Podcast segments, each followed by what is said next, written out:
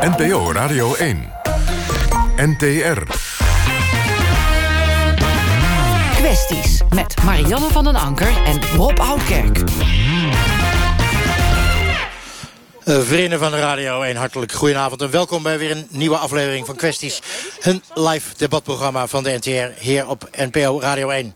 Waarin wij actuele en brandende kwesties in Nederland bij de kop pakken. Meekijken kan met ons hier in de mobiele studio, die gloednieuw is, via de app of op radio1.nl. We staan met de NPO Radio 1-bus in het Brabantse Gemert. Want die gemeente heeft ruzie met de provincie, als ik het zo mag uitdrukken. Gemert gaat namelijk volgens de provincie te ver... in het mogelijk maken van mantelzorg in huizen in het zogenaamde buitengebied. Zeg maar buiten de bebouwde kom. Heeft de provincie nou een punt? Want ja, Nederland vergrijst, we worden steeds ouder...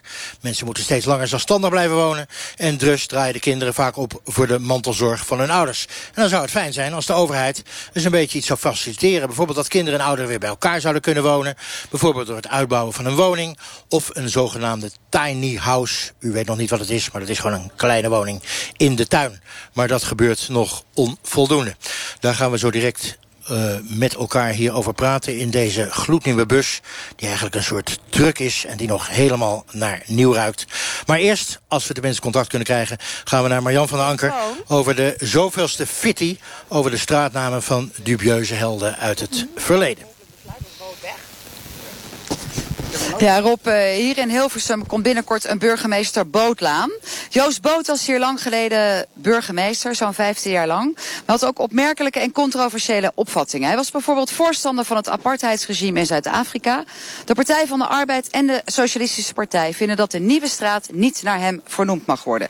Peter Schavenmaker staat hier, heeft een eh, dik boek geschreven... Want het is zo dat Hilversum inmiddels 100 jaar bestaat als mediastad. Hoe belangrijk Joost Boot was voor het Mediapark en waarom we hem moeten te eren, daar heb jij zelfs een hoofdstuk aangeweid, eh, Peter. Waarom verdient burgemeester Joost Boot een eigen straatnaam? Nou, eh, mijn hoofdstuk bestaat uit uh, ongeveer 20 pagina's. Ik heb zes maanden onderzoek gedaan naar zijn dagboeken. Uh, daar heb ik voor het eerst als journalist, mediajournalist, ingekeken. Uh, dat geeft een uniek kijkje hoe hij vanaf 1951, vanaf de eerste dag dat hij burgemeester was, staat beschreven, ging hij meteen naar een vergadering die te maken had met de omroep. Uh, dus hij zag meteen in dat de omroep belangrijk was. En hij was de burgemeester, buiten alle burgemeesters om, daarvoor. En ook, durf ik te beweren, daarna, tot en met nu die zo uh, zichzelf heeft ingezet voor de, de media. De Kurk en dankzij hem is uh, het hele verhaal, wat jij schrijft, is het Mediaparker. Ja, dank, dankzij zijn aankoop in de geheime vergadering in 1954... heeft hij ervoor gezorgd dat het Mediapark gekocht is. Hij heeft ervoor gezorgd dat de televisie uh, vanuit Bussum naar Hilversum is gekomen. En dat omroepdirecteuren eindelijk een keer een gesprek konden krijgen met de burgemeester. In jouw boek schrijf jij niets over zijn omstreden verleden. Pagina 308 schrijf je wel, het is een goed idee om hem te eren. En het is raar dat dat in Hilversum nog niet gebeurd is. Want plekken waar die burgemeester is geweest... hebben wel een burgemeester Bootlaan. Maar je schrijft niets over zijn omstreden verleden. En dat is precies waarom de SP en de Partij van de Arbeid boos zijn geworden. Althans boos. Enigszins wel, toch Bianca Verwij? Ja, wij vinden het niet zo'n heel erg goed idee... om iemand die bewezen controversieel is uh, een, uh, te eren met een, uh, met een straatnaam. En waar is zijn omstreden verleden nou eigenlijk op gebaseerd? Wat is er zo erg wat hij heeft gedaan? Hij heeft uh, zeer actief de, de apartheidsbeweging in uh, uh, Zuid-Afrika gesteund. Heeft ook vele lezingen ge gegeven. Heeft zich daar heel bewust niet van afgekeerd. In die context, als je de regering van Zuid-Afrika steunde... had je dus eigenlijk, zat je in conflict met miljoenen mensen die daar wonen... die onderdrukt werden. Wij vinden dat niet passen. Hij predikte dat ook actief in Hilversum en in Nederland. Daar hebben wij ook foto's van ontvangen inmiddels... van mensen die daarbij ja, die, die kunnen wij natuurlijk op de radio niet laten zien... maar het nee. zijn gele fotootjes en er ja. staat in ieder geval, nou lees zelf maar uh, voor wat jij uit deze foto's haalt. Nou ja, geen racisme, propaganda in Hilversum, boycott Zuid-Afrika. Um, dat was nou precies wat burgemeester Boot wel promoten. Uh, en daarom denken wij, met alles wat daar gebeurd is... en ook de rol die bijvoorbeeld de SP heeft actief zeg maar, het ANC gesteund... denken wij dat in Hilversum het niet gepast is om iemand die zoiets gesteund heeft... te eren met een straatnaam. En wij staan uh, op de plek waar deze straatnaam straks moet komen. Voorlopig heet het nog het uh, Molenpad. Als het uh, ja. aan u ligt en een aantal andere mensen, dan heet dit straks de burgemeester Bootlaan. Waarom hebt u in uw boek nou niets geschreven over dat omstreden verleden van burgemeester Boot? Omdat het boek niet voor niks 100 jaar Mediastad heet. En niet een biografie is van burgemeester Boot. En ik ben het helemaal eens met mevrouw Verwij dat dit niet de burgemeester Bootlaan moet gaan heten. Want dit laantje is namelijk veel te klein en veel te illig voor iets wat burgemeester Boot... Voor zo'n groots man. Als burgemeester Boot voor de Mediastad. Nou, dat is een vast een argument, Bianca, waar jij niet voor gaat. Een kleine opmerking. We vieren namelijk 100 jaar Mediastad. En zolang burgemeester Boot geen laan nog weg vernoemd krijgt, vind ik... Uh, dat zeg ik ook in het boek, en dat is ook een stelling die ik uh, graag inneem... dat uh, het hele viering van 100 jaar Mediastad eigenlijk helemaal nergens op slaat. En wat mevrouw Verwij passeert en mevrouw Droof en Drogers beweren zich op één bron... En als mediajournalist heb ik altijd geleerd dat je één bron is geen bron. Want ik heb de, bij de dames nooit gehoord over dit boekje. Wat uit 1992 uh, stamt. En waarin burgemeester Boot uh, wel degelijk afstand neemt van zijn tijd in Zuid-Afrika. En in 1967, toen hij nog vol burgemeester was...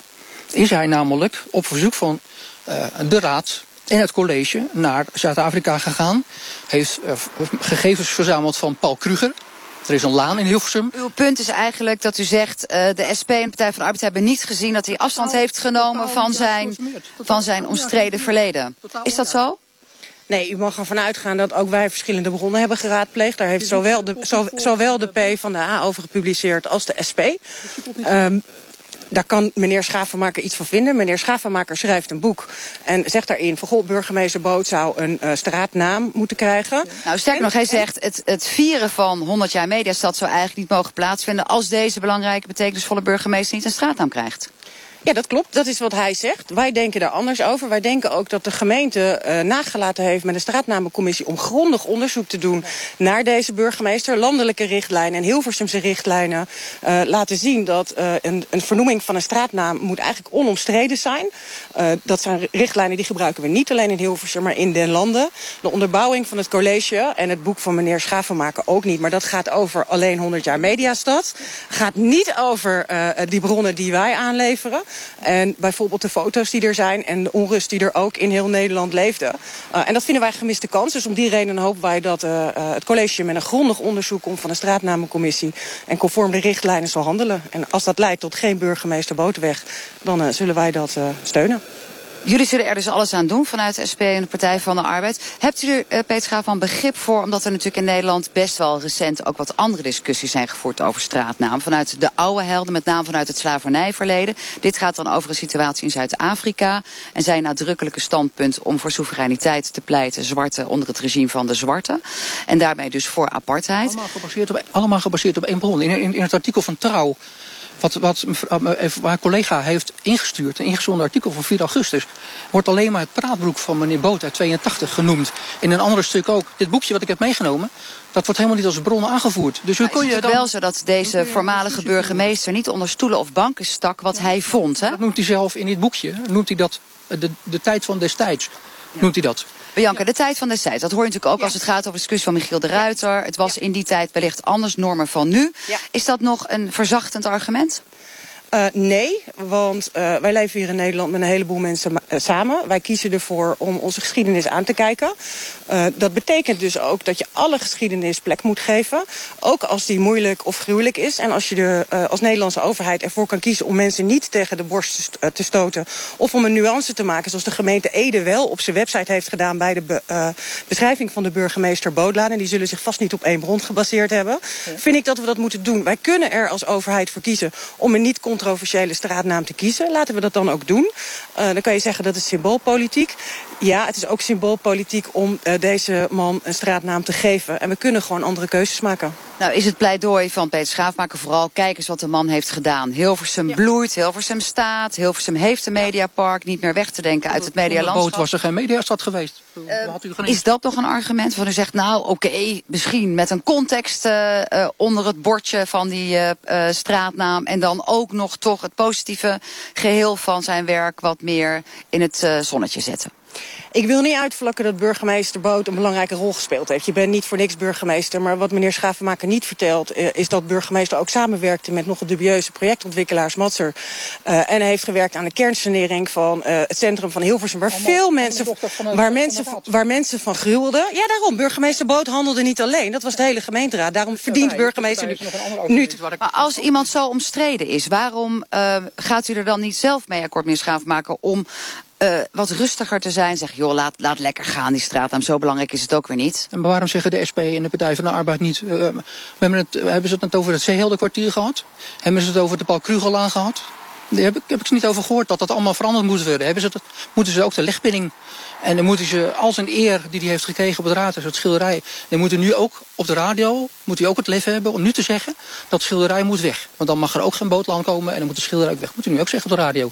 Dan moeten we ook Bianca van de SP. Dus niet alleen maar he, moeilijk doen over die nieuwe naam... van nog een nieuw te vergeven straatnaam, maar ook de oude straatnamen. Nou ja, kijk, wat wij zeggen, wat ons is herbenoemen, ook een optie. In vele uh, steden, Amsterdam, Berlijn, Lanaken gebeurt dat ook. In uh, Oostenrijk gebeurt het ook. Wat ons betreft hoeft burgemeester Boter inderdaad niet te hangen. En op zijn minst met een contextplaatsing. Want deze man heeft ook veel uh, controverse opgeroepen. Niet alleen over de apartheid, maar ook over wat hij met Hilversum gedaan heeft. En dat heeft burgemeester Boot niet alleen gedaan. Dat is ook de nuance die meneer Schaafvermaker maakt. Die zegt van ja, het was ook de gemeenteraad. En daarom denk ik dat ook de gemeenteraad die eer verdient. En doe er dan niet op deze naam, op deze man die zoveel oproept, nu nog steeds. En volgens de richtlijnen niet onomstreden is. Dan moeten we dit dus gewoon niet doen. De, de, huidige procedure, meneer Schavenmaker, is natuurlijk dat er nog een besluit genomen moet worden door het college. Dat het college het wel graag wil gaan doen. Ja, maar er zit een college die niet eens weet als we een onderzoek doen, dat ze niet eens weet wat het verleden is van burgemeester Boot. Die hebben een advies gegeven. En zaakjes missen daarin dan het verleden wat dan nu opeens door twee andere partijen wordt opgenomen. De, twee andere, de partijen, de Partij van de Arbeid en de SP, baseren zich gewoon helemaal niet op complete bronnen. Dit boekje is helemaal, helemaal geen onderdeel uit van de discussie. Maar wat ergt u dan het meest? Dat het feit dat hij een excuus heeft gemaakt, dat dat niet wordt meegenomen? Ja, dat is toch wel logisch. Maar waarom hebt u daar dan zelf niet over geschreven in uw boek? mijn boek, zoals het, de titel al zegt, 100 jaar Hilversum Mediastad, gaat over hoe Mediastad Mediastad geworden is. Maar u eert ook toch maar het halve deel van zijn werk en niet het andere halve deel van zijn werk. Ik heb beschreven hoe hij zijn rol heeft vervuld, ja, zoals hij dat gedaan heeft, als mediaburgemeester. En dat boek, en daar is het boek, ik heb niet de biografie van burgemeester Boos geschreven. Als ik dat had gedaan, had ik zeker het onderwerp opgepakt. Omdat dat belangrijk is om dat op te pakken in de historische context. Maar als je als de Partij van de Arbeid en de SP zo van hoog van de toren blaast... en dan niet ingaat op andere bronnen die het compleet maken... Hè, het verhaal, en het verhaal compleet maken... ja, we hebben geknip voor de neus waard, vind ik. Bianca Fijn. Nou ja, ik wil uh, meneer Schaafmaker hulde geven voor het boek 100 jaar Mediastad. En ik wil er niet, ik, ik wil, ja, en ik wil er niet op ingaan dat het dan van ons hypocriet is. Wij laten een andere kant van de geschiedenis zien. En het college van Hilversum is verantwoordelijk voor een weloverwogen besluit... conform de richtlijnen van de Vereniging Nederlandse Gemeenten... conform onze eigen richtlijnen. richtlijnen. Daar zit controversialiteit in. Dat heeft het college te onderzoeken en te toetsen of dat nu nog steeds actueel is. En gezien het feit dat ook de gemeente Ede op zijn website... op zijn minst aangeeft dat die controversialiteit is... en dat ook andere steden uh, zeg maar straten niet benoemen of herbenoemen... denken wij dat het heel goed is om hier toch nog naar te kijken. Maar de burgemeester en daarmee ook het voorstel vanuit het college van BNW is eigenlijk al gewoon genomen en die doen niet zo moeilijk. Waarom blijft hij dan toch zo volhardend in het feit dat het een omstreden figuur is... dat het allemaal echt niet kan? Nou ja, de over Till the Fat Lady Sinks. Op dit moment is het besluit nog niet definitief genomen. Uh, wij hopen, en dat heeft de burgemeester ook toegezegd... in beantwoording aan eerdere vragen van de SP en de Partij van de Arbeid... dat hij onderzoek zou doen naar zijn verleden. Want dat is, zoals wij zeggen, onderdeel van de richtlijnen... en daar moet de straatnamencommissie zich over oordelen. En uh, alle belangen moeten afgewogen worden. Ja, wij, wij staan er gewoon anders in dan meneer Schaafmaker... of op dit moment het college. Maar is het ook niet een beetje een oppositieachtig sfeerbje dat jullie creëren? Want jullie zijn uh, lekker bezig om gewoon politiek te bedrijven.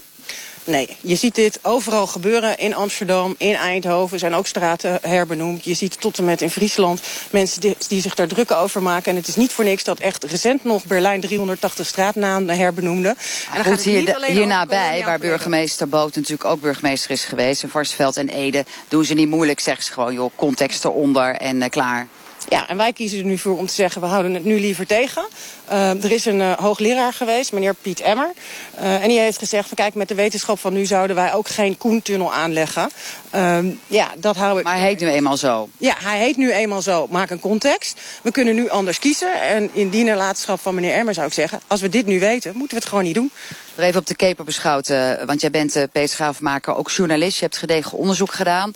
Er is in het onderzoek natuurlijk ook bekend geworden... dat in zijn dagboeken hij ook al schreef over wat hij vond. Over zijn reizen. En over zijn reizen. Uh, er is natuurlijk ook, als je kijkt naar het werk wat u heeft gedaan... aan die dagboeken door u veel aandacht en tijd besteed. Mevrouw Verwij de dagboeken gelezen, vraag ik me af. Alle 26. Heeft u ze gelezen? Nou... Heeft u ze gelezen?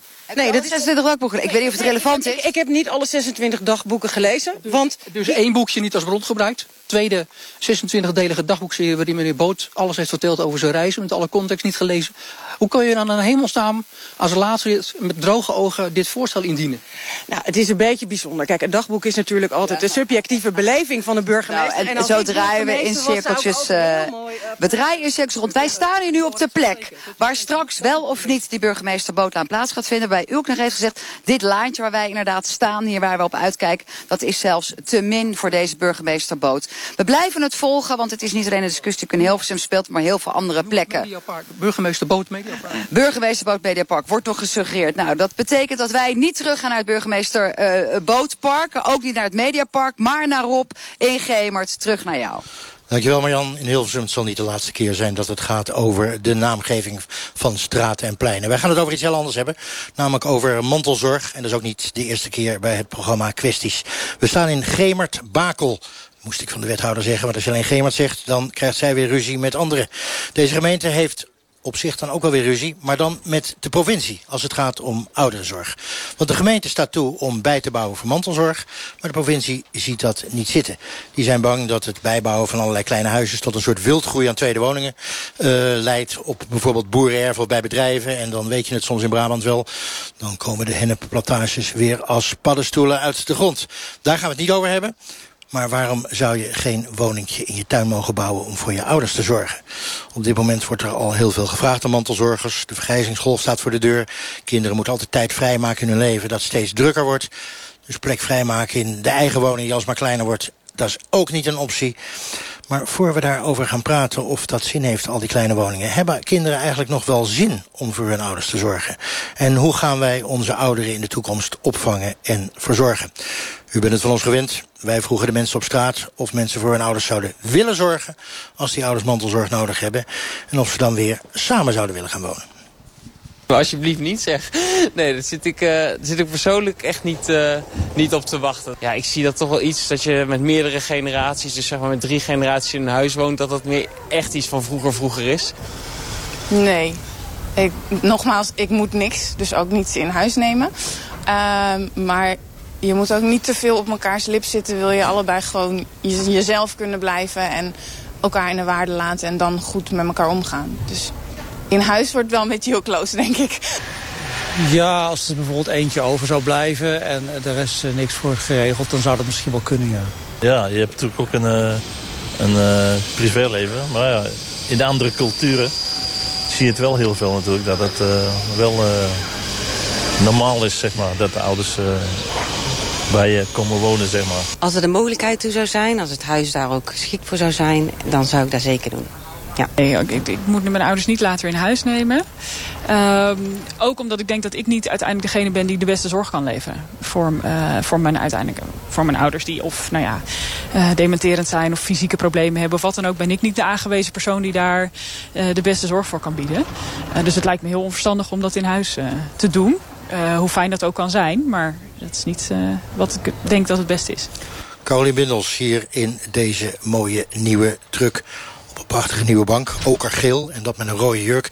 U zou even moeten kijken op internet of op Facebook.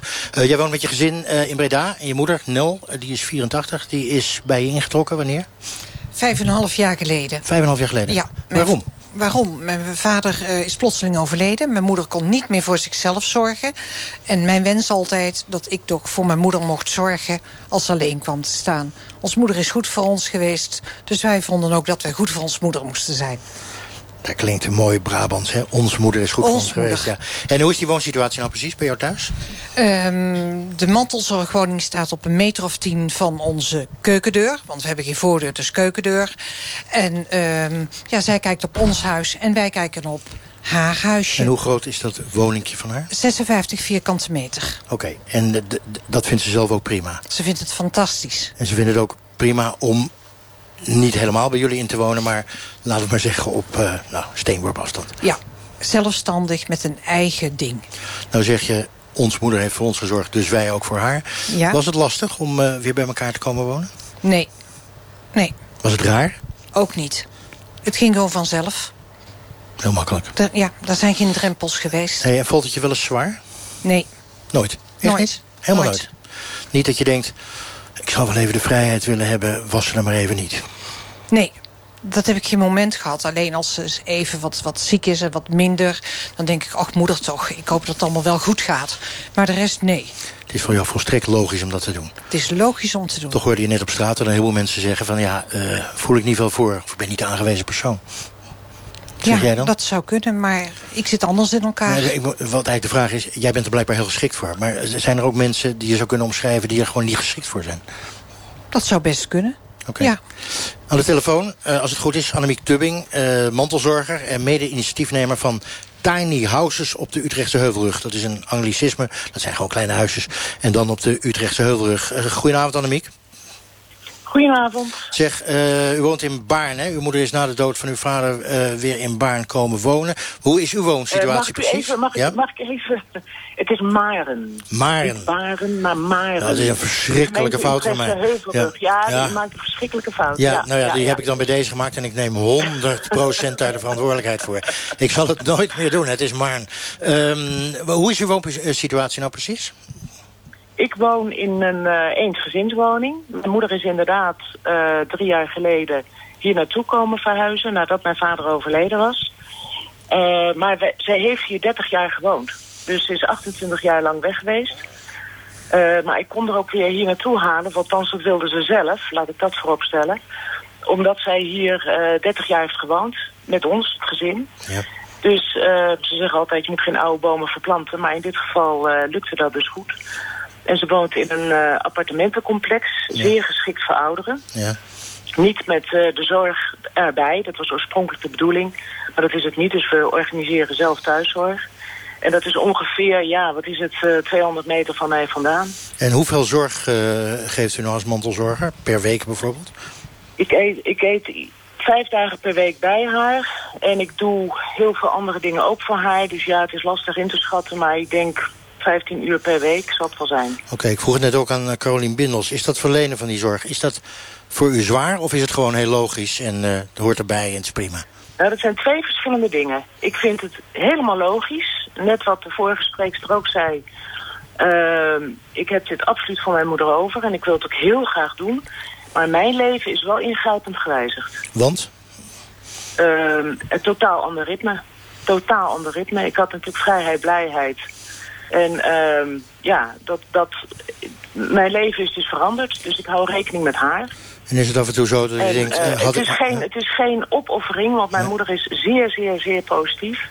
En vindt alles geweldig. Dus ik bedoel, dat is geen opoffering. Maar het is gewoon een ander leven. Het is een ander leven, maar niet te zwaar. Het zijn twee verschillende dingen. Blijf alsjeblieft even nog aan de lijn, want ik wil u straks nog even uitgebreid over die tiny houses horen. Eerst even hier in deze truck naar Lynn Rulkens. Jouw moeder is um, uh, 64. Klopt. En die is volgens mij uit een boom gedonderd. Ja, redelijk vitaal. Wat, wat deed jouw moeder in een boom? Die was kersen aan het plukken, achter in de tuin. En zat ze helemaal bovenin of zo? Hoe moet ik me dat voorstellen? op een meter of twee. En Ja. ik vermoed mijn moeder kennende dat ze iets te ver reikte. En eh, dat ze er evenwicht verloor. Oké, en eh, nou heeft ze even tijdelijk zorg nodig, neem ik aan?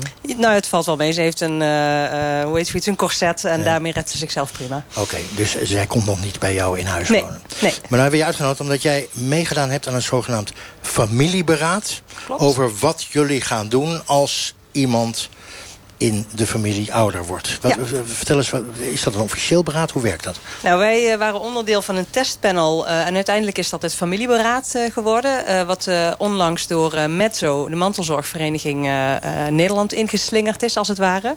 Wij zijn een avond gezellig bij elkaar gekomen. Mijn ouders, ehm, eh, mijn broers met partners. Ik heb twee broers met partners. Ikzelf, mijn man en onze twee kinderen. En we hebben eigenlijk een heel fijn gesprek met elkaar gehad... over uh, wat we belangrijk vinden in het leven, wat we voor elkaar betekenen... en uh, hoe onze woonsituatie er op termijn uit zou kunnen zien. En wat is de uitkomst van familieberaad? Nou, heel bijzonder was eigenlijk dat mijn ouders de wens hebben... om in het huis waar ze op dit moment wonen met de grote tuin... om achter in de tuin een huis te realiseren... waar zij met z'n tweeën zouden kunnen gaan wonen. En mijn broer gaf tegelijkertijd aan dat hij met zijn vriendin... dan in het woonhuis wilde gaan wonen. Dus we hadden een situatie die eh, naadloos op elkaar aansloot. Geregeld dus. Dat zou je zeggen. Maar? Um, nou, mijn moeder, uh, daadkrachtig als ze is, um, belde een dag later uh, met de gemeente. Dat betreft de gemeente Leudal uh, in ons geval. En die zeiden, dat kan mevrouw. er zijn wel een aantal voorwaarden. En die voorwaarden waren dat het op maximaal 5 meter afstand van het woonhuis mocht staan. Het mocht maximaal 7 bij 4 zijn. En het mocht pas gebouwd worden als een van mijn ouders hulpbehoevend zou worden. En toen zeiden jullie? jammer, dat gaat geen oplossing bieden. En dus? Nou, uiteindelijk uh, uh, hebben we er, uh, nou, is er iets gaan rollen in, in kopjes. en zijn ideeën gevormd. En dat heeft uiteindelijk geresulteerd in het feit dat mijn ouders gaan ruilen van huis met mijn broer. Dus het wordt wel opgelost. Ja. Maar nog even, verder dan 5 meter mocht het niet weg. Het mocht nee. niet meer dan 28 vierkante meter. Wat zijn het voor rare eisen? Ja, en dat in een tuin die 100 meter diep is. Ja, daarom. Nee, ja.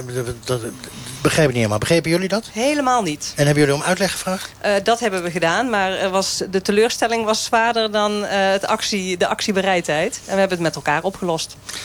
Dick de Jong woont in Doorn. Over twee jaar, geloof ik, 60 jaar getrouwd heb ik begrepen. Uh, dat is de gemeente Utrechtse Heuvelrug. Je moet natuurlijk uitkijken dat het niet per ongeluk hoorn is... en niet alle fouten tegelijk maken. Je woont samen met je vrouw bij uh, jouw dochter en schoonzoon... in zo'n klein tiny house. Hoe groot is dat huisje? Zo klein als tiny is, is het niet. Maar goed. Het is een platte woning met een iets schuin dakje... met 100 vierkante meter oppervlak. Oh. Dus dat is big tiny. Of tiny big. Juist. Um, wanneer heeft u nou het besluit genomen om in zo'n zo'n aanbouwwoning... zo'n vrij grote woning, bij uw dochter te gaan wonen? Wij zijn verrast door onze dochter en schoonzoon... ergens in 2012 met de vraag... mogen wij jullie mantelzorger worden? Het was een vraag van hun van hen aan ons. Daar wil ik zo direct meer over weten. Maar zoals u weet is het niet alleen maar een nieuwszender, maar ook een sportzender. We gaan dus even naar Andy Houtkamp in Berlijn. 5000 meter vrouwen, Andy. Ik geloof met Sivan Hassan. Heb ik dat goed? Dat heb je helemaal goed, Rob. En dat is het spannend, want ze loopt nu op kop met nog anderhalve ronde te gaan. Uh, vijf dames lopen er aan de leiding. Lona Shemtai Salpeter uit Israël, ex-Keniaanse. Ze was ooit nanny van de Keniaanse uh, uh, man, de ambassadeur in Israël. En is daar gebleven, getrouwd met de Israëli. En nu dus Israëlische Europees kampioen op de 10.000 meter. Ook Constance Klosterhalve loopt bij die vijf. En Sivan Hassan natuurlijk, Jasmin Chan en Elish McColgan. Dochter van Liz McColgan, de grote Britse loopster van voorheen. Het wordt steeds minder en minder, want er zijn er nog maar vier... als we zo dadelijk de laatste ronde ingaan. En wat is het spannend, want nu lopen... Uh, die dame die ik net noemde, Sal Peter en Sifan Hassan lopen weg van de rest. En dan gaan we de bel krijgen voor de laatste ronde. Sifan Hassan en Sal Peter hebben enorm de sokken erin gezet. En daarachter Jasmin Chan uit Turkije, die uh, regerend Europees kampioen is. De bel voor de laatste ronde. Oh, Sal Peter denkt dat ze er al is. Die denkt dat ze er al is, die stopt. En Hassan kijkt om. Waarin blijft iedereen? Maar uh, denkt dat, uh, dat ze er ook is. Maar dan loopt ze toch verder. Sal Peter wordt nu ingehaald door McColgan. Wat een rare race is dit zegt. Ze dachten dat ze er al waren. In ieder geval Sal Peter. En die is wel doorgegaan. Maar nu heeft Sifan Hassan een meter of 30 voorsprong. Op de zesde, zevende plaats loopt Suzanne Krummings. Die zo mooi zilver haalt op de 10.000 meter. Maar Sifan Hassan loopt nu weg van alles en iedereen. Ze is ooit wereldkampioen indoor geworden op de 1500 meter. En ze won zilver op de Europese kampioenschappen twee jaar geleden in Amsterdam. Uh, op de 1500 meter. En vorig jaar nog brons op de wereldkampioenschap op de 5000 meter. Maar hier gaat ze vanavond op de 5000 meter goud halen. Daar komt Sivan Hassan, geboren in e uh, Ethiopië.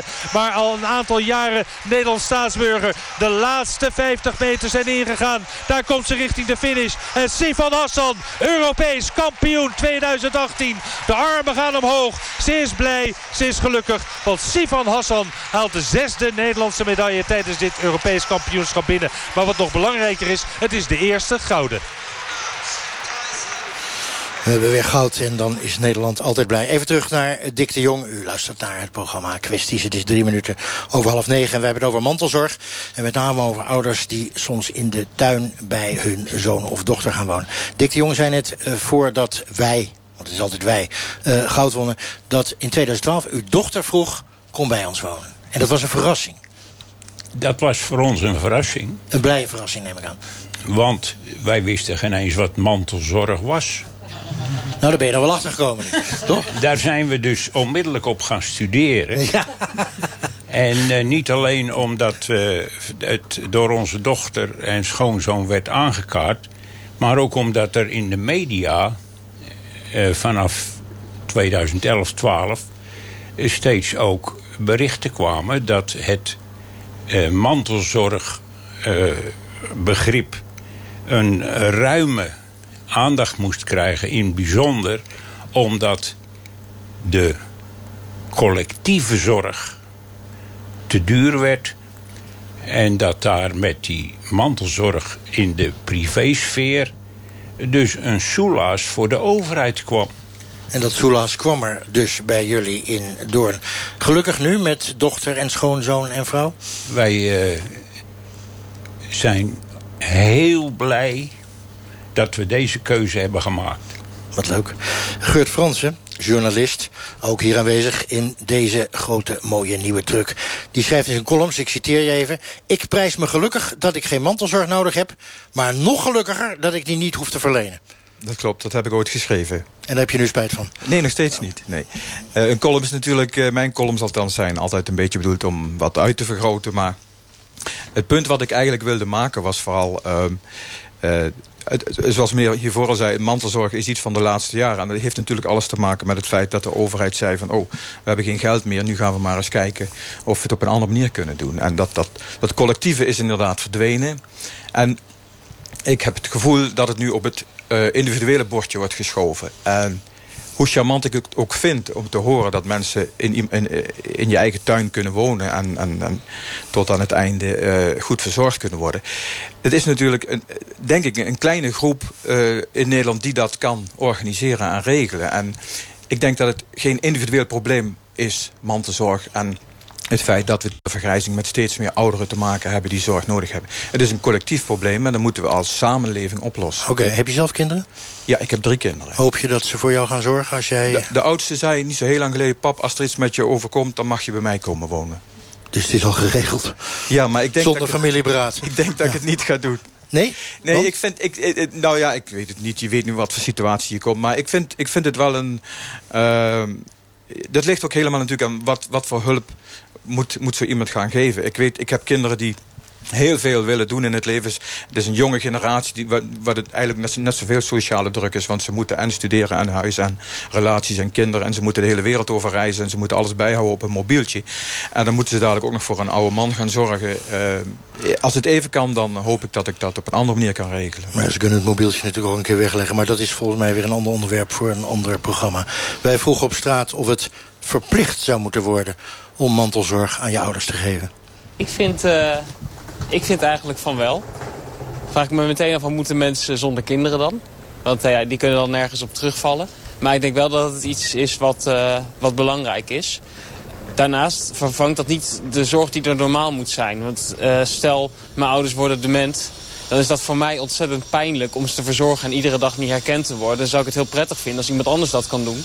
Maar dat betekent niet dat ik voor de rest niks doe voor ouderen. Maar ja, dat, ja er moet wel wat zijn naast de familiaire zorg. Uh, dat ik voor mijn ouders zou zorgen als, als de mogelijkheid er zou zijn. Ja, dat denk ik wel, ja. Als het moet, dan moet het. Maar gelukkig hebben ze alles goed voor zichzelf geregeld. Dus ik heb weinig te doen. Ik denk niet dat dat haalbaar is. Nee. Ik denk als er goede faciliteiten zijn en uh, dat het fijn is om je ouders te kunnen bezoeken op een fijne plek. ja, dan zie ik meer zitten. Ik moet niks, maar ik zou het wel willen. Uh, omdat mijn moeder altijd heel goed voor mij heeft gezorgd. En nu nog steeds voor ons zorgt. En uh, ja, dat zou ik gewoon willen. Dat, uh, dat ja, hoort zo. Dat hoort zo. Uh, in deze nieuwe truck ook twee politici. Allereerst wethouder Anke van Extel van het CDA. Verantwoordelijk voor ruimtelijke ordening in de gemeente. Gemert Bakel. Ik zal het nooit meer vergeten, dat Bakel. Um, jij bent onlangs naar de rechter gestapt om het bestemmingsplan voor het buitengebied te verdedigen. Leg eens uit, waarom stapt een wethouder naar de rechter? Nou, een wethouder staat niet, stapt niet zo vaak naar de rechter toe... maar ik vind altijd als er beleid aan de orde is... waarvan wij als politiek overtuigende keuze hebben gemaakt... vind ik ook dat je die keuze moet verdedigen bij de Raad van State. Was dat uh, in, in dit geval in Den Haag. En uh, bij individuele gevallen doen we het niet... maar wel als beleid op, ja, ter sprake komt. En in dit, deze zaak vond ik dat de provincie was tegen een gedeelte van ons bestemmingsplan. En ik vond dat ik dat zelf moest verdedigen. Want dat bestemmingsplan van jullie is... we willen gewoon van die tiny houses ik zal even de term niet meer gebruiken... kleine huizen mogen bouwen in de buitengebieden... zodat ouders bij hun kinderen kunnen wonen. Nou, dus het is iets... Uh, het, uh, mantelzorgwoningen kan in iedere gemeente kan dat eigenlijk. Alleen de gemeente Gemert-Bakel gaat daar verder in. Wij zeggen, wij uh, hoeven dan niet per se te zien dat er zorg nodig is. Wij vinden de ouder-kindrelatie al voldoende om daarvoor toestemming te geven. Oh, wacht even. Er is geen indicatie nodig van een arts of van um, wie dan ook zich er professioneel mee bemoeit. Een soort sociale indicatie. Ja, wij zien het als sociale zorg. Het helpen voor elkaar, wat je net ook hoorde op straat. Van, het voor elkaar zorgen. En dat hoeft niet altijd op, op een medische indicatie te okay. zijn. En, en waar is de provincie dan precies bang voor, als jullie dat doen? Die is bang dat de tijdelijke woningen omgezet gaan worden naar vaste woningen. En zo wat? Uh, goed, ik kan me dat voorstellen, maar dan denk ik ook van... dat is onze verantwoordelijkheid als gemeente. We hebben het beleid vastgesteld. Wij zeggen dat het tijdelijke woningen zijn. En dan zijn wij ook degene die verantwoordelijk zijn... als het tijdelijk is geweest, dat het dan ook weggaat. Maarten Eveling, SP Statenlid hier in de provincie Noord-Brabant. Waar bemoeien jullie je mee? Nou ja, uh, de provincie gaat natuurlijk ook wel over uh, hoe onze uh, buitengebied in de provincie eruit ziet. En dat het ook eruit zou moeten blijven zien zoals het eruit ziet. En niet dadelijk in één keer overal woningen tevoorschijn komen. dat gezegd hebbende kan ik me wel voorstellen dat er situaties zijn waarin een, een, een, woning, een mantelzorgwoning gewenst is. Ik kan me het voorstellen. Maar het is niet een gegeven dat dat overal moet kunnen gebeuren. Je kan het je voorstellen. Hoor ik ruimte? Bij mij wel, ja. Als het bij jou is, dan, dan scheelt het alweer.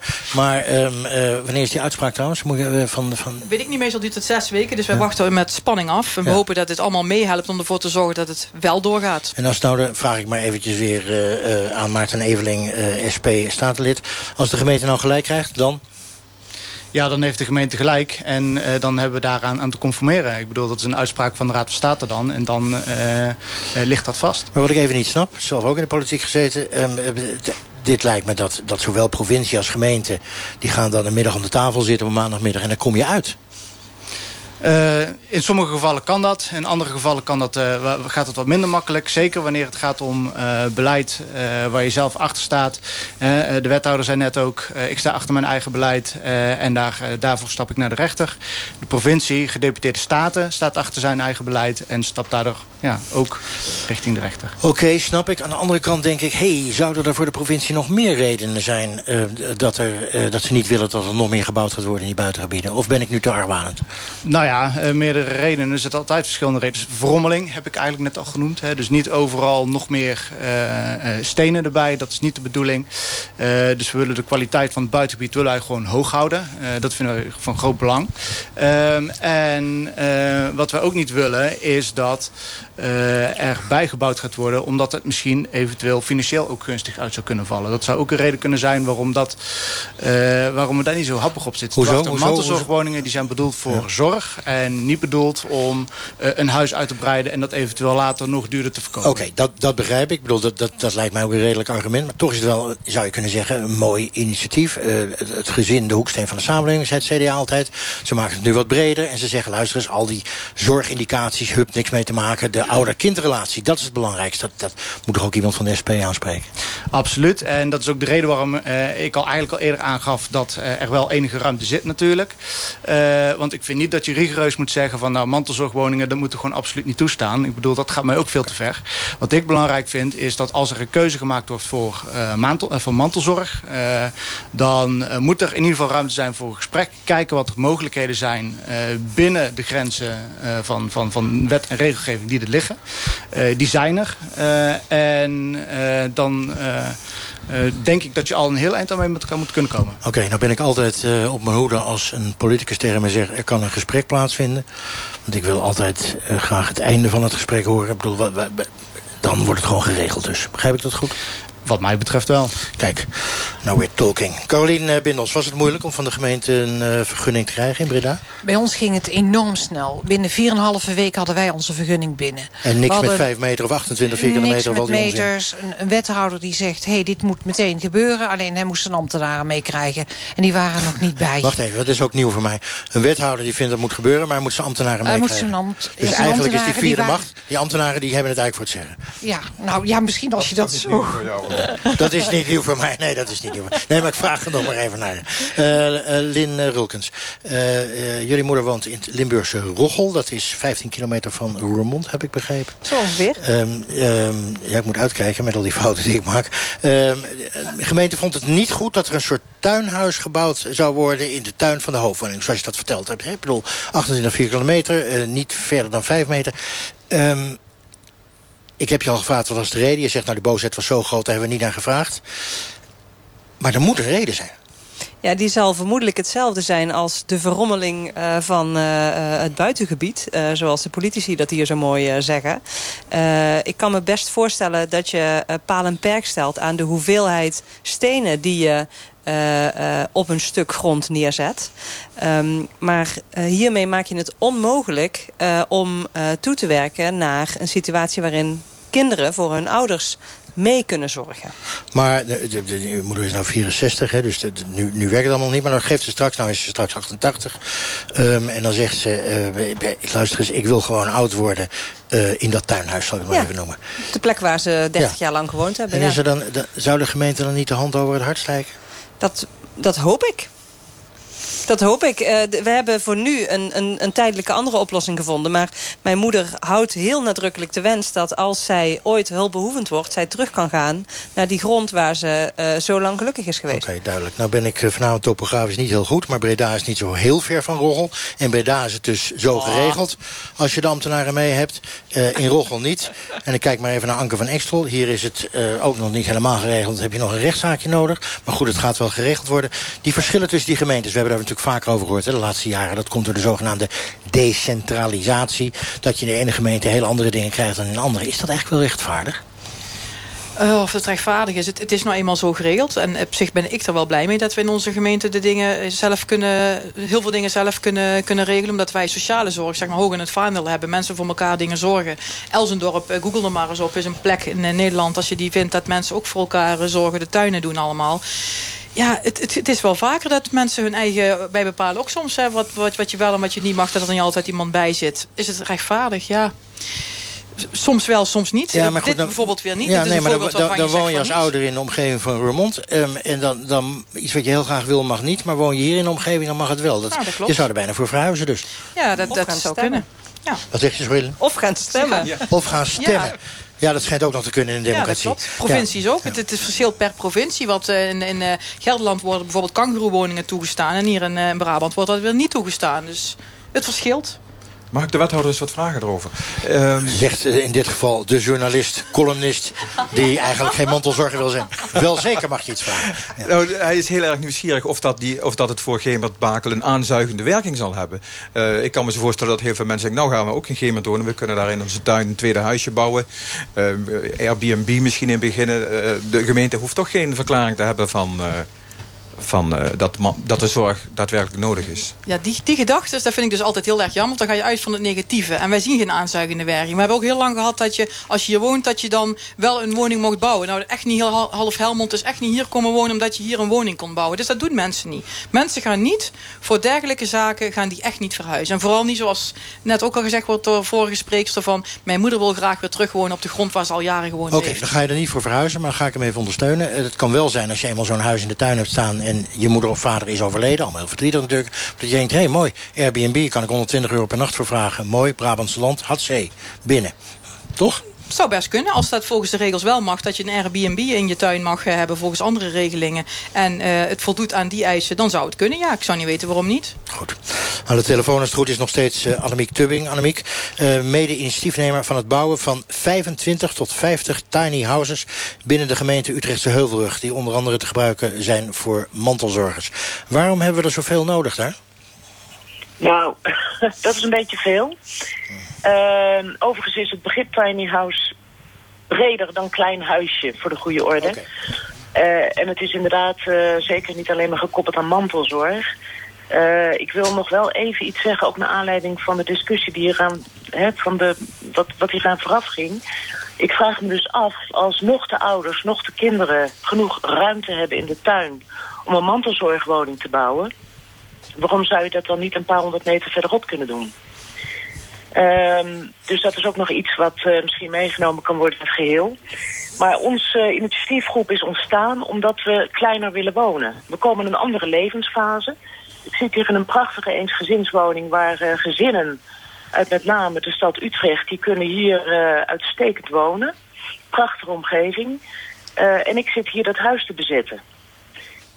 dus we willen gewoon weg. We willen, willen in kleinere huizen. En tiny houses zijn ook duurzaam, voor de goede orde. Oké, okay, dus daar kan je wel, uh, dus daar kan je wel mee wat scoren. anders. Precies, daar kan je mee scoren op zeer veel verschillende uh, programma's. Maar nou even, over, ja, nou even over die optie die je net zei. Je kan ook een paar honderd meter verderop uh, kan je gaan zitten. Heb je natuurlijk wel geld ja. nodig, toch? Ja, zeker. Ik, uh, ik, ik ben dus afhankelijk van deze gemeente. Ik kan deze gemeente niet uit. Er zijn genoeg gemeenten waar wel uh, positief ten opzichte van tiny house projecten wordt gestaan. Maar ik kan daar niet naartoe, want mijn moeder woont hier. Um, dus daarom dat we ook bezig zijn binnen de gemeente Utrecht-Heuvelrug... om te kijken wat de mogelijkheden zijn. Um, en dat is net zo goed afhankelijk zijn van een bepaalde uh, nou, cirkel rondom mijn moeder, zeg maar. Omdat ik mantelzorger ben. Ja, maar los daarvan, niet iedereen bij ons is mantelzorger. We hebben gewoon een, een ja, we willen heel graag kleiner wonen. Waardoor er ook doorstroming komt op die woningmarkt. Je kunt hier geen woning meer krijgen. Het is het potdicht ook bij een betaalbare woning. Uh, dus hier, uh, ja, hier kunnen gezinnen komen wonen. Die druk vanuit het westen wordt heel erg groot. En alles flexibiliseert behalve de woningmarkt. En ik denk dat het nu echt tijd wordt om daar heel hard aan te werken. Plus natuurlijk de duurzaamheid. Hè? Okay. Dus alles wat je nu nog gaat bouwen, dat moet je vooral duurzaam doen. Okay. En vooral veel kleiner voor starters. En juist voor ouderen in een andere levensfase komen. Annemiek, die kriedekeur is duidelijk. Even, even toch naar wethouder Anke van Exel nog. Nou, nou woon ik hier in een gewoon rijtjeshuis in uh, Gemert. Bakel, neem me niet kwalijk. Of een heel klein appartement. En ik heb geen tuin. Dus ik kan ook niet in tuinhuis, hoe klein het ook is, in de tuin neerzetten. En ik ook niet zoveel geld. Maar ik heb wel een hulpbehoevende moeder. Dan ben ik dus gewoon op de zorg aangewezen. Ja, dat klopt. Maar wacht even, dan komt er dus een verschil tussen arm en rijk. Ja, goed, maar als, als je de mogelijkheid hebt dus om je ouders zeg maar, in je in tuin te kunnen laten wonen... dat kan en dat kan ook ooit niet. Ja, maar wacht even, wacht even. Dat, dat, dat, wat nou lastig is, althans wat ik lastig vind... ben ik maar een leek uh, hierin. Dus als je een beetje geld hebt en je hebt een beetje een tuin... hoeft niet meteen 100 meter te zijn... Mm -hmm. dan kan je wel voor je moeder zorgen met een sociale indicatie. Maar ja, als ik, als ik gewoon in een rijtjeshuis woon en ik heb niet zoveel geld... dan wil ik dat ook heel graag. Wat heb je mij dan te bieden als wethouder? Nou, je zou dan ook bijvoorbeeld toch je moeder misschien in huis kunnen nemen. Kan ook, dat er toch nog een, een, kamer over is. Die keuze kun je dus ook maken. Ja, maar nou woon ik op, uh, wat zullen ze doen, 50 vierkante meter? Ja, dan gaat het niet. Nee. En dan? dan ben je dus aangewezen op de, op de gewone zorg uh, ja, die maar er die, is. Maar die gewone zorg, wat levert die mij dan? Wat moet ik dan de, de verzorgingshuizen zijn zo wat dicht. Ik bedoel, waar moet ik heen? Met mijn moeder. Dat klopt, maar dan kom je dus aan de gewone zorg... waar je dan je indicaties en alles terechtkomt. Maar wat ik nu, als ik het goed begrijp, maar anders moet je me echt uh, verbeteren. Jij wil het regelen voor een bepaalde groep. Ik wil dat de mogelijkheid er is. Ja. En dat is, uh, wij willen dat we alle mogelijkheden kunnen bieden... die wij als overheid kunnen bieden... als mensen uh, willen zorgen voor hun ouders. Maar als, als de... Uh, ik snap al wat je zegt, maar wat ik probeer duidelijk te maken... is dat er dus een verschil zou kunnen gaan ontstaan... ik ben heel voorzichtig... tussen mensen die gewoon niet weg kunnen komen... uit hun rijtjeshuis in 50 vierkante meter... en hun moeder of vader er niet bij kunnen hebben... en mensen die wel zo'n tiny house in de tuin kunnen laten bouwen. Maar dat is, het verschil is er nu ook al.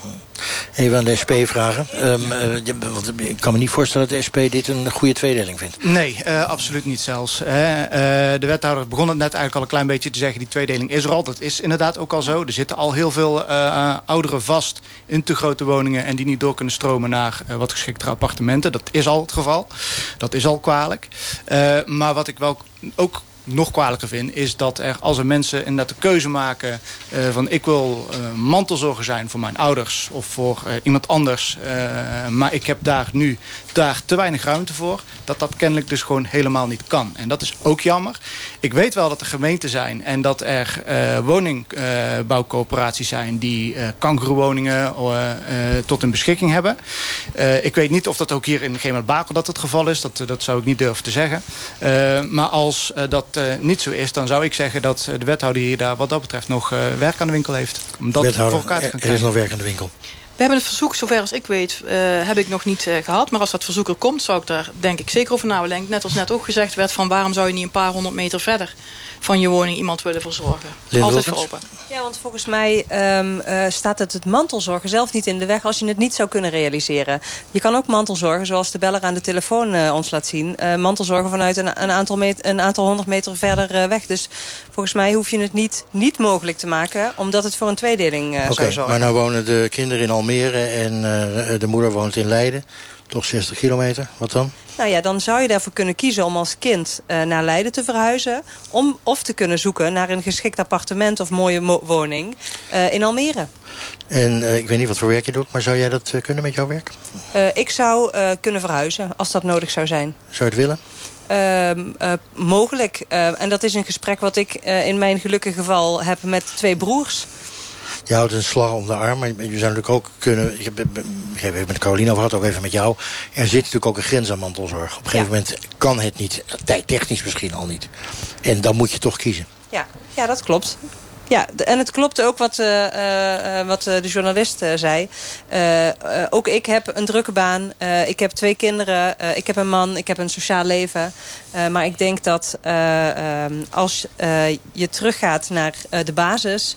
Uh, en je kunt zorgen voor je ouders. En of dat nou betekent dat je ze in huis neemt, bij je huis neemt... of uh, op een andere manier voor ze zorgt, zorg regelt... Uh, dan doe je dat. Want okay. het zijn je ouders. Oké, okay, Dick. Ik wil graag even de situatie in de gemeente Utrechtse Heuvelrug aan orde stellen. Wij hebben de twijfelachtige eer al jaren... dat wij de gemeente zijn waar het meeste 65-plussers wonen in Nederland. Dat betekent dat als je het over een mantelzorgwoning hebt... dat dat gewoon markttechnisch een automatisme is.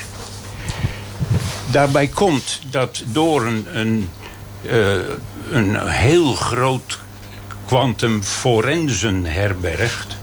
mensen die dus boven zijn komen drijven... en daar in de mooie natuur willen komen wonen...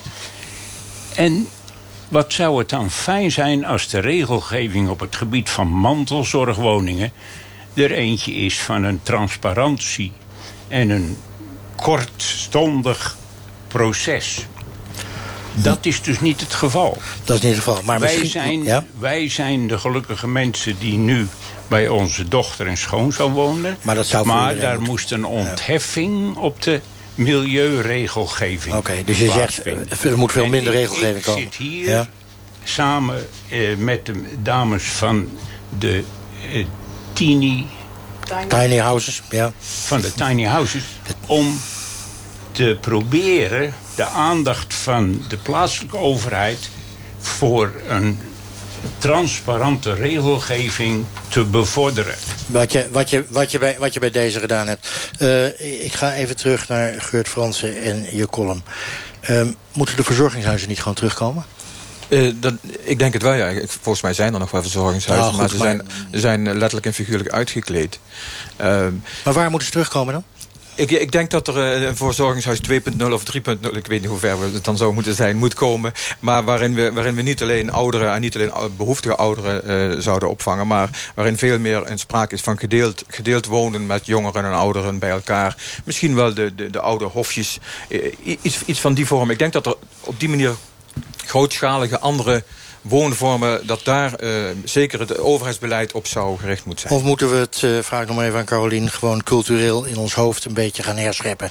Namelijk, het is gewoon logisch. Ons moeder heeft voor ons gezorgd. Wij zorgen voor ons moeder. Ja, zo is het. Dat vind ik. Ik ben zelf huisdokter geweest. Ik had veel Surinaamse patiënten. Ik overwoog toen om mijn moeder in huis te nemen. Dat ik alleen zei dat ik het overwoog, kreeg ik al bijna... werd ik tegen de muur gekwakt. Want zij zei, je moet gewoon je moeder in huis nemen. Is helemaal geen vraag. Nou, dat was bij ons ook geen vraag de vraag was, ja, goed, ons moeder komt bij ons wonen. Nou zegt mijn man, ik ben heel blij dat ze bij uh, ons komt wonen.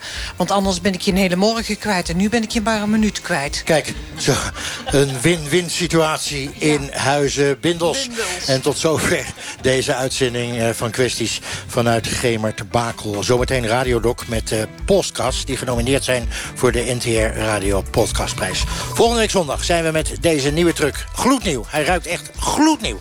Ergens anders in het Bekijk ook de Facebookpagina van Kwesties. Dan ziet u de kleuren van deze truck.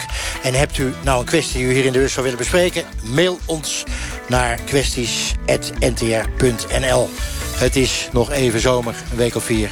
Ik wens u een prachtige zomeravond. De zomer is begonnen. De vakantie staat voor de deur.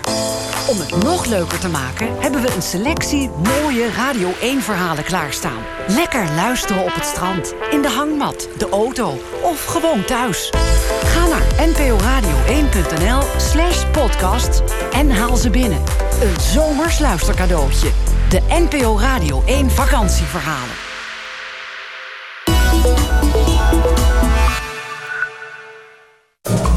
Marktplaats heeft alles voor de tuin.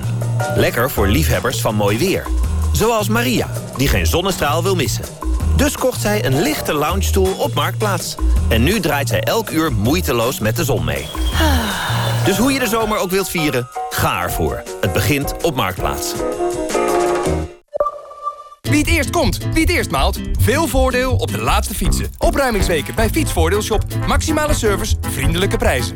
Fietsvoordeelshop.nl je hebt nog meer zekerheid met de gelijk oversteken service op Marktplaats. De verkoper ontvangt jouw geld als jij je aankoop in huis hebt. Ga ervoor. Het begint op Marktplaats. NPO Radio 1